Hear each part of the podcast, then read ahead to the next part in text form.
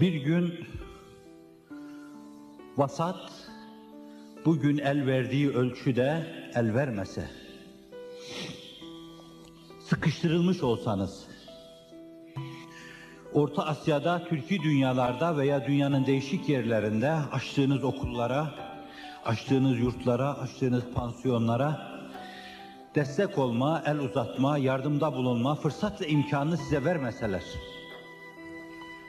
Arkadaşlarımız bugünden öyle rezervler yapmalı, öyle hazırlıklı olmalıdırlar ki bir, iki, üç sene hiçbir araya gelemeseler, himmete müracaat edemeseler bile Allah'ın inayet ve keremiyle bugün başlattıkları o şeyleri üç sene çok rahatlıkla sürdürebilmelidirler. Amerika'da bir okul kiralamak istiyoruz, bize destek diyorlar. Bugün himmete müracaat edip bu ihtiyacı karşılayabilirsiniz.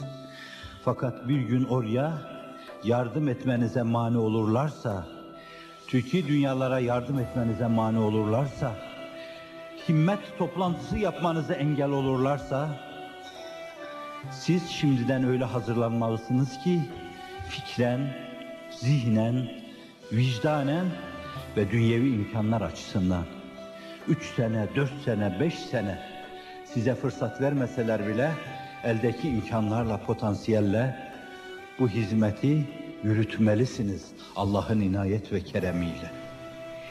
Daha fazlasını açmak istemiyorum. Hem beddua olmasından korkuyor, hem de acaba ufukta o kadar endişelenecek şeyler mi var dersiniz, söyleniyor zaten.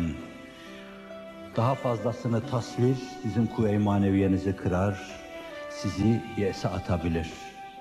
İmanlı olan insan esasen yese düşmemelidir, hiç sarsılmamalıdır.